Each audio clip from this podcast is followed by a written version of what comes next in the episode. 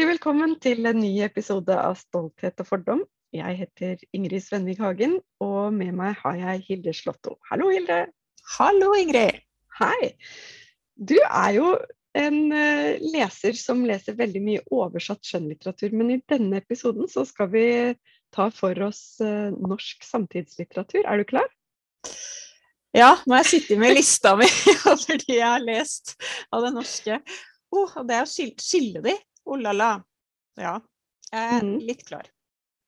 Men Hilde, har du lagt merke til noen eh, spesielle tendenser i bokhøsten, eller i det du har lest i det siste? For jeg vet at du har lest veldig mye norsk litteratur eh, den siste måneden, bare siden ja. forrige gang vi snakket sammen. Jeg har hatt sånn rush med å lese norsk litteratur. eller ny, nytt av året, dette årets litteratur. Eh, ja, jeg ser at det er ganske mange som skriver om sorg. Eh, ikke bare Tiller, men Stargate og eh, mange, mange skriver om sorg på litt sånn forskjellig måte. Eh, og så ser jeg at det er mye barn og foreldre. Kanskje det der er litt Ja, det, det, det er litt sånn smått med. ikke sant? At det er litt lite kjærlighet, det er litt lite um, overskudd. Det syns jeg er også veldig klassisk. Ja. Uh, det er flere sosiale altså bøker som handler om mer sånn sosiale temaer. Det syns jeg det er mer av. Uh, og så er det historiske romaner, som kanskje gjør ting på en litt ny måte. Så du tenker jo på Victoria Kielland, som vi snakka masse om i forrige episode. Eh, som jo på en måte har en slags historisk fantasi, kanskje man kan man kalle det. Mm. Eh, mens eh, f.eks. Bragepris-nominerte Hilde Susan Jektnes har en mer sånn utrolig eh, gjennom eh, Altså, hun har sittet og lest mye for å komme fram til det, altså det er veldig korrekt, historisk korrekt. Eh, og et mylder av mennesker. Eh, og hva het jo, romanen hennes? Den heter 'Jeg grunnla De forente stater'. Mm. handler om Hamilton, som jo da var eh, Som på en måte har blitt den store Det var nesten ingen som visste hvem han var før denne hiphop-musicalen uh, har gjort uh, stort, stor furore. Sånn at hun har på en måte er litt sånn i kjølvannet av den jeg aner jo ikke når hun begynte å skrive på den romanen, men i hvert fall eh, Det er også litt interessant at vi, Victoria Kielland og denne boka begge er i USA. Mm. Eh, og den ene er liksom et mylder av mennesker, og den andre er liksom innover, innover, innover. Bare dette ene, ene inni til Victoria Kielland. Eh, sånn at det er to veldig forskjellige måter å skrive historisk roman på. Ja, det er veldig spennende. Det, vi kan jo kanskje håpe at det blir et eh, oppsving for historiske romaner når vi har vært gjennom en sånn virkelighetslitteraturbølge de siste årene. Ja, for det er det jeg tenker på. at Det, det jeg syns egentlig er mest tydelig, er at det er jo faktisk nesten ikke en eneste selvbiografisk bok i sikte. Mm. Hvor er virkelighetslitteraturen? Den er på en måte akkurat som nå begynner det å Brannen Roe seg litt. Ja, det har roa seg litt. Brannen har brent og brent og brent. Ja. Og begynner det jo liksom, da er det bare røyken igjen. Jeg veit mm. ikke. Det er i hvert fall veldig tydelig når jeg begynte å se litt sånn at uh, Ikke sant, Knausgård. Han skriver jo ikke Det er jo ikke et selvbiografisk korn. Jo, det er det sikkert. Men Men ikke i samme grad som før, i hvert fall. I hvert fall ikke i samme grad. Ikke jeg heller. Nei. Men uh, veldig mange av de som har skrevet veldig selvbiografisk, har gått over til noe helt annet og er opptatt av fantasien og historien og fiksjonen og Så jeg føler vel også når det er også en sånn når man skriver om histor historiske romaner, så er også fiksjonen veldig sterk. Uh, det syns jeg, jeg, er interessant. Ja, og det er også interessant hvordan det da skiller Kanskje det også gjør at det er et litt større sjangerskille mellom uh, sakprosaen og Er vi på vei mot det, tror du? Mellom sakprosa som handler om historie, og skjønnlitteratur? Ja, sånn, ja. ja fordi, det, ja, fordi det har også vært veldig sånn tett sammen Det har vært litt sånn vanskelig å skille ofte, ikke sant. Noen mm. ganger så har de nærmest føltes som at uh, man har plassert det i romansjangeren, selv om det egentlig er memoarer eller Ja. uh, Og for å kanskje tekkes innkjøpsordningen til Kulturrådet, eller hva Ja. skal man si? Jo, men jeg mener det. Altså, det har vært en diskusjon om det. eh, at noen romaner kanskje heller burde vært plassert et annet sted i biblioteket. Mm. Men at det får større eh, leserskare hvis det, hvis det plasseres på skjønnlitteraturhylla. Ja, hvis man skriver Jeg har jo også tenkt Men hvil, hvilke tenker du på noen spesielle bøker? Jeg tenker på f.eks. 'Mors gaver' av Cecilie Enger.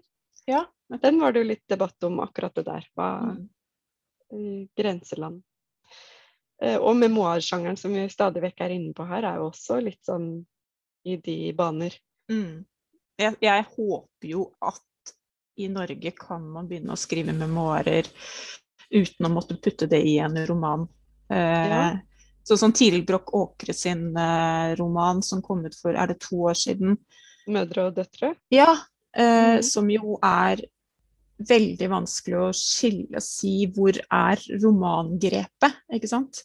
Mm. Eh, hva er det som gjør den til en roman og ikke en memoar, f.eks.?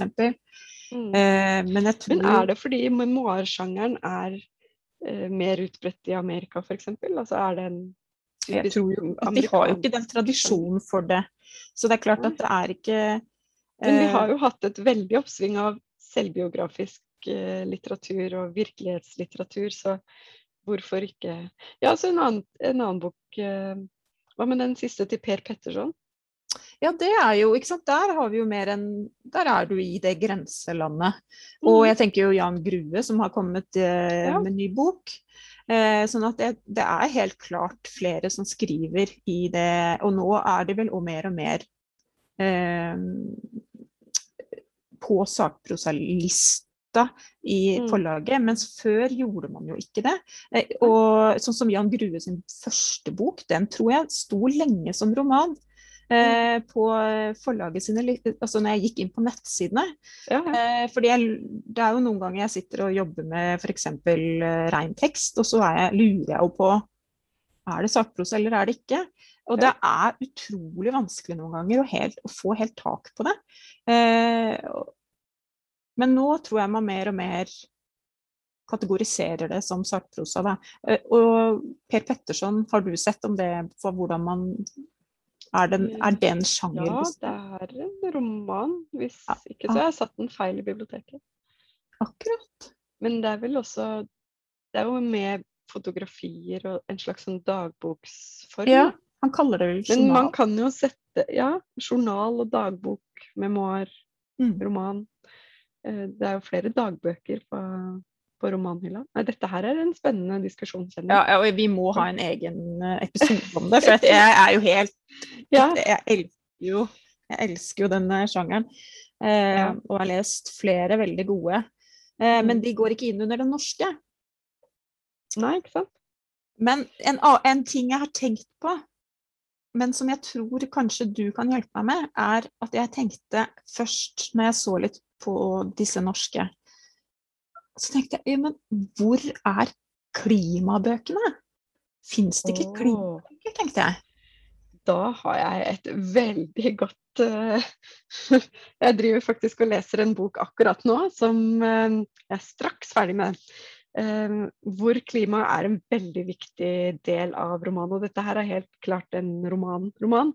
Mm. Men veldig litterær i stilen. Og det er 'Sarabande' av Sara Sølvberg. Mm. Og Sølvberg er virkelig Hun knytter begge romanene sine veldig sterkt til naturen. I den første boka hennes, 'Seismiske smell', så handler det om havet og dypet både i mennesket og i naturen. Hvor dypt er egentlig det dypeste havet, havbunnen?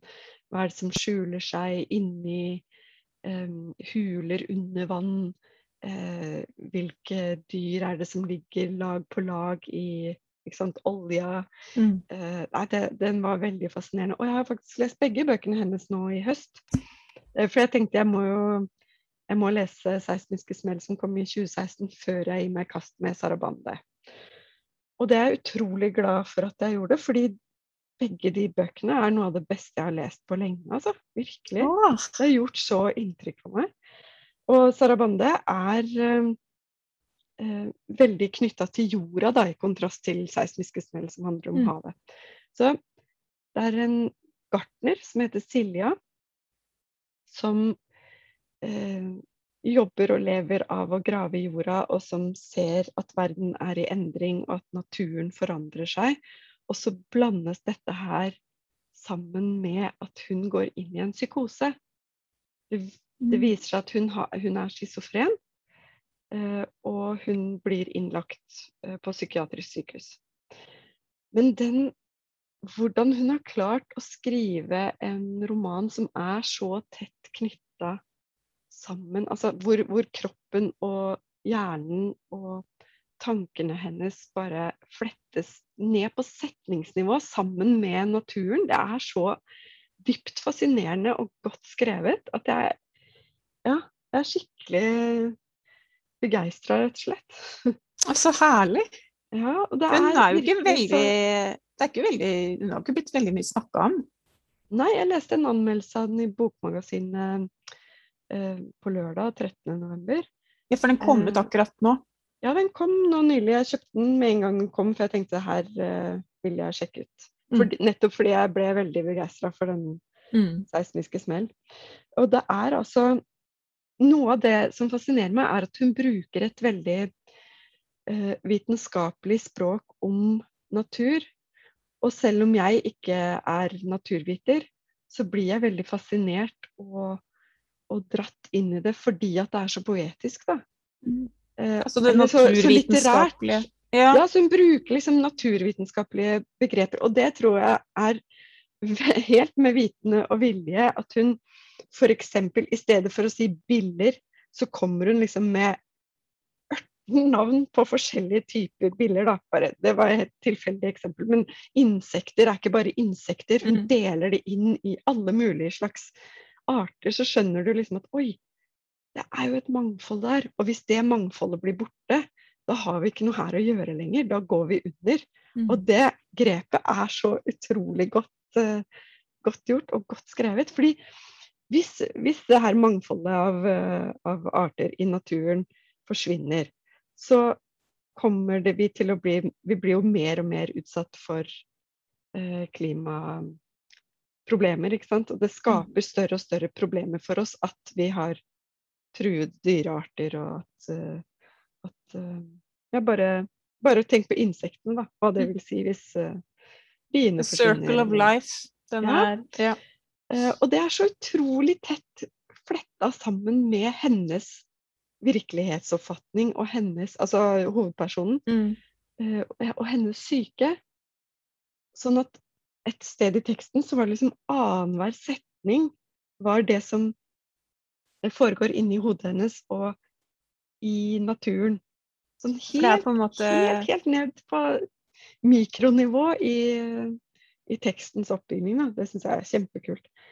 Men tenker du at, at det er eh, At det hun på en måte sier, er at eh, psykosen og virkeligheten er i ferd med å liksom gå inn i hverandre? Altså det forferdelige som foregår. eh, og Det har hun på en måte fått en forsmak på, da. ja, hovedpersonen.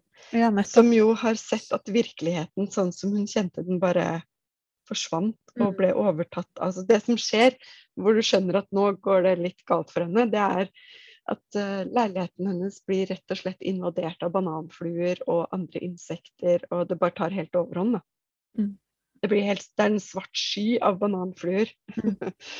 og, og insekter og støv, og alt blir bare helt tildekka, og det er ikke noe lys lenger, liksom. Mm. Uh, og så eh, kommer hun da inn på psykiatrisk og får hjelp. Og så er det liksom gradvis eh, blir hun, hun blir gradvis friskere, og så eh, kommer hun ut i verden igjen. Og den overgangen der er også veldig sånn Det er veldig sårbart, da. Mm. Fordi hun syns det er fryktelig vanskelig med alle sånne små ting.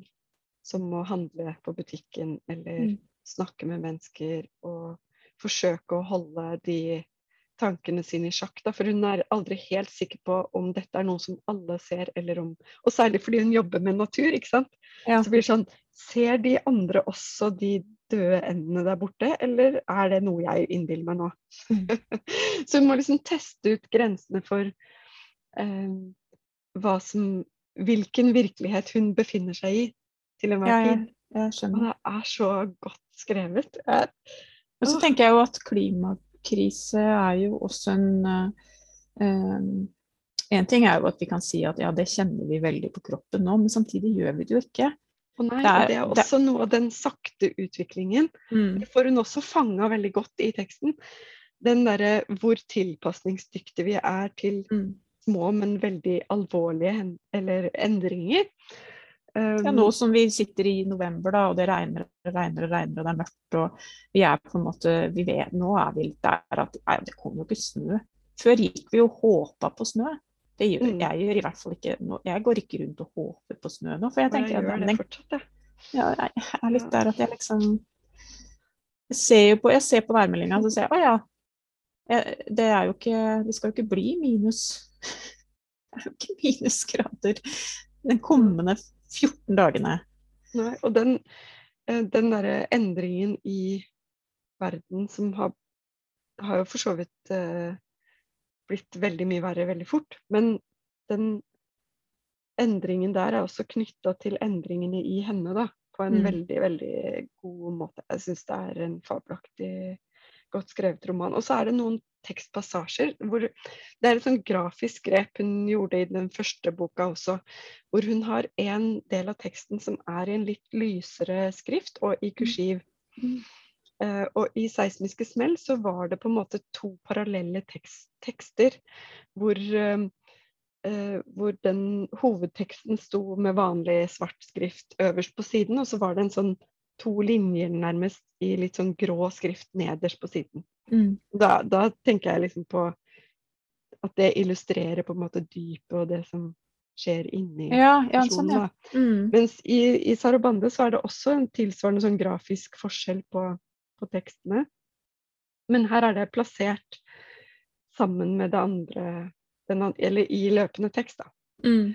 Eh, og det er ofte litt sånn kortere brokker av tekst. Det er ikke liksom hele sider. Eh, og det er jo også i, ofte i romaner som handler om psykiske lidelser, så er det gjerne litt sånn oppstykka, da. Mm. Fordi at det blir sammen. fragmentert for den Mm. hovedpersonen. Mm. Eh, Mm. Den fikk jeg veldig lyst til å lese. Altså, det er så bra. jo mer jeg tenker på det og snakker om det, jo mer begeistra blir jeg. Og det her er sånn som jeg har måttet lese litt høyt fra, og jeg har snakka veldig mye om det til folk fordi det har gjort så inntrykk på meg.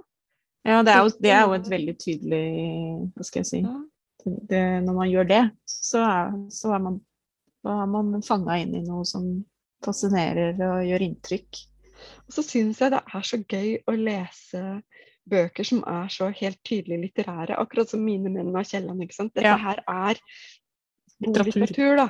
Ja, det er litteratur, og det er ikke Og det kan være veldig fint å bare lese en historie, og det er ikke det.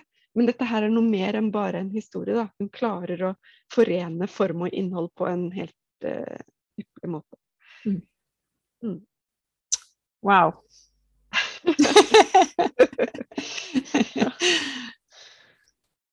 Ja, det er faktisk egentlig ganske lenge mellom hver gang jeg får sånne ja. veldig gode leseopplevelser. Ja, og kanskje enda mer eh, når det gjelder norsk, da. Fordi eh, mye av det oversatte er jo blitt silt gud veit hvor mange ganger før det når oss. ikke sant? Sånn at det er jo veldig Mm. ofte et veldig høyt nivå. I hvert fall på de tingene jeg ender opp med å lese, som jeg selv velger.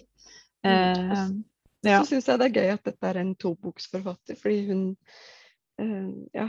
Og at det har gått litt tid siden forrige bok, så det er jo Mm. et veldig gjennomarbeida verk. Mm.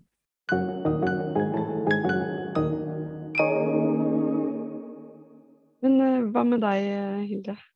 Uh, har du, en, har du liksom en bok du har lyst til å Uh, ja, satt og kikka litt på den lista av hva jeg har lest, og hva jeg hadde lyst til å snakke om. Og så endte jeg opp med en bok som jeg gruer meg litt til å snakke om, fordi jeg, det er litt vanskelig å snakke om. Men jeg får prøve. Eh, det er en veldig annerledes bok enn det du har sittet og snakket om. da. Eh, det er Gunstein Bakke, eh, og den heter 'Austalgi'. Ja. ja. Gunstein Bakke, føler, jeg føler at han er en sånn forfatter som eh, litteraturvitere og kritikere og forfattere er veldig glad i hans forfatterskap. Eh, og så aner jeg ikke ellers, da. Eh, men jeg tenker at det er liksom forfatterne og kritikernes forfatter.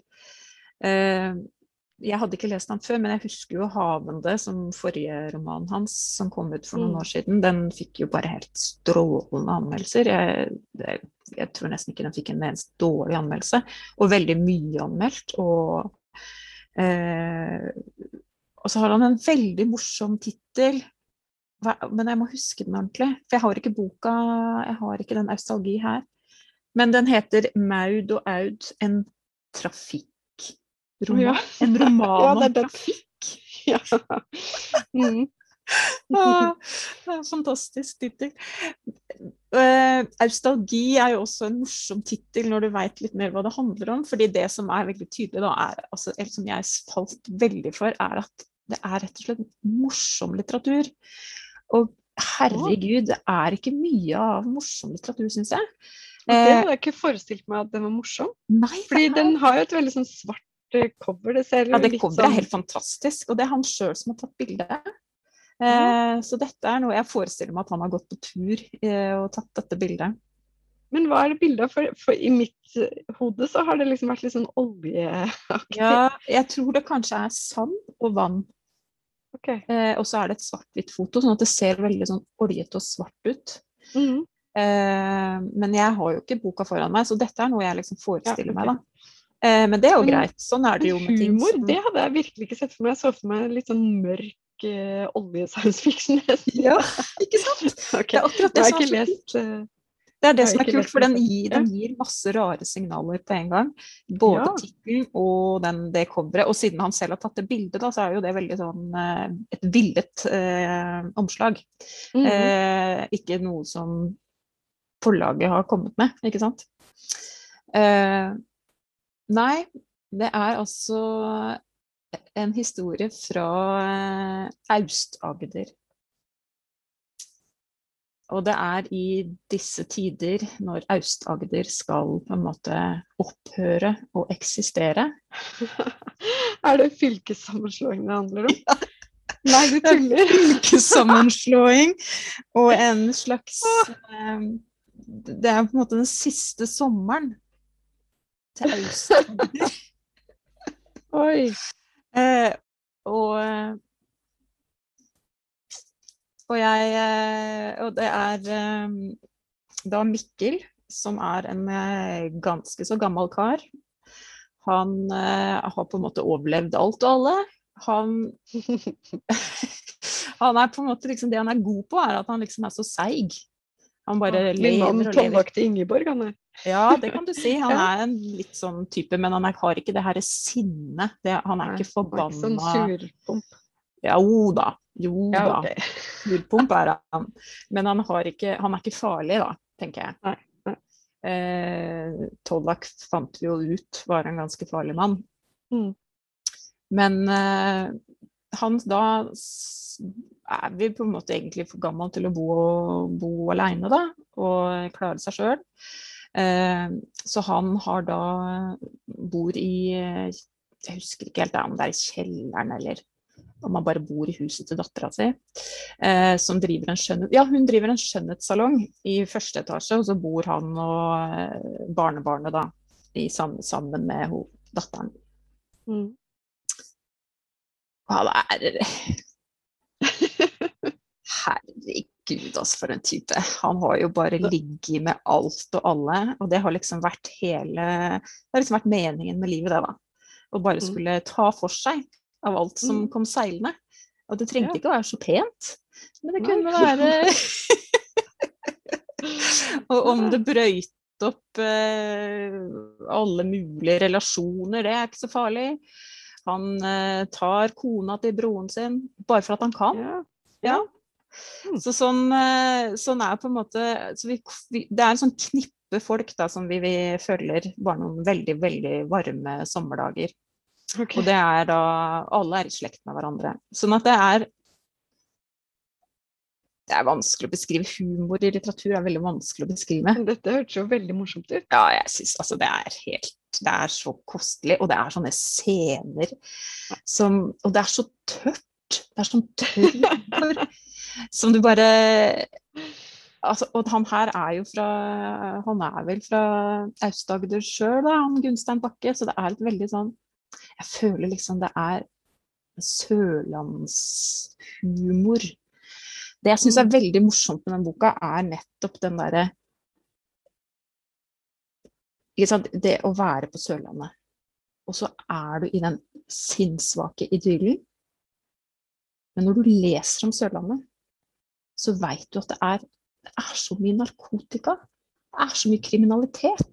Det er liksom to parallelle verdener, ikke sant? I virkeligheten. Mm. Og i den boka her så går vi rett inn i det derre mørke, mørke Sørlandet. Okay. Ja. ja. Jeg syns det er uh, veldig morsomt. Og så har han veldig gode observasjoner av familierelasjoner. Og, og, så er det liksom Det er ikke så mange som klarer å komme seg unna med en sånn humor uten at jeg, i hvert fall jeg som leser, blir litt sånn Kom igjen. Det å holde et eller annet sånn Det er jo veldig fascinerende, for det er ofte ja. det vanskeligste. Ekstremt Når noen vanskelig. spør liksom Har du en morsom bok? Jeg bare øh. Nei, det skjer jo nesten ikke, syns jeg, da.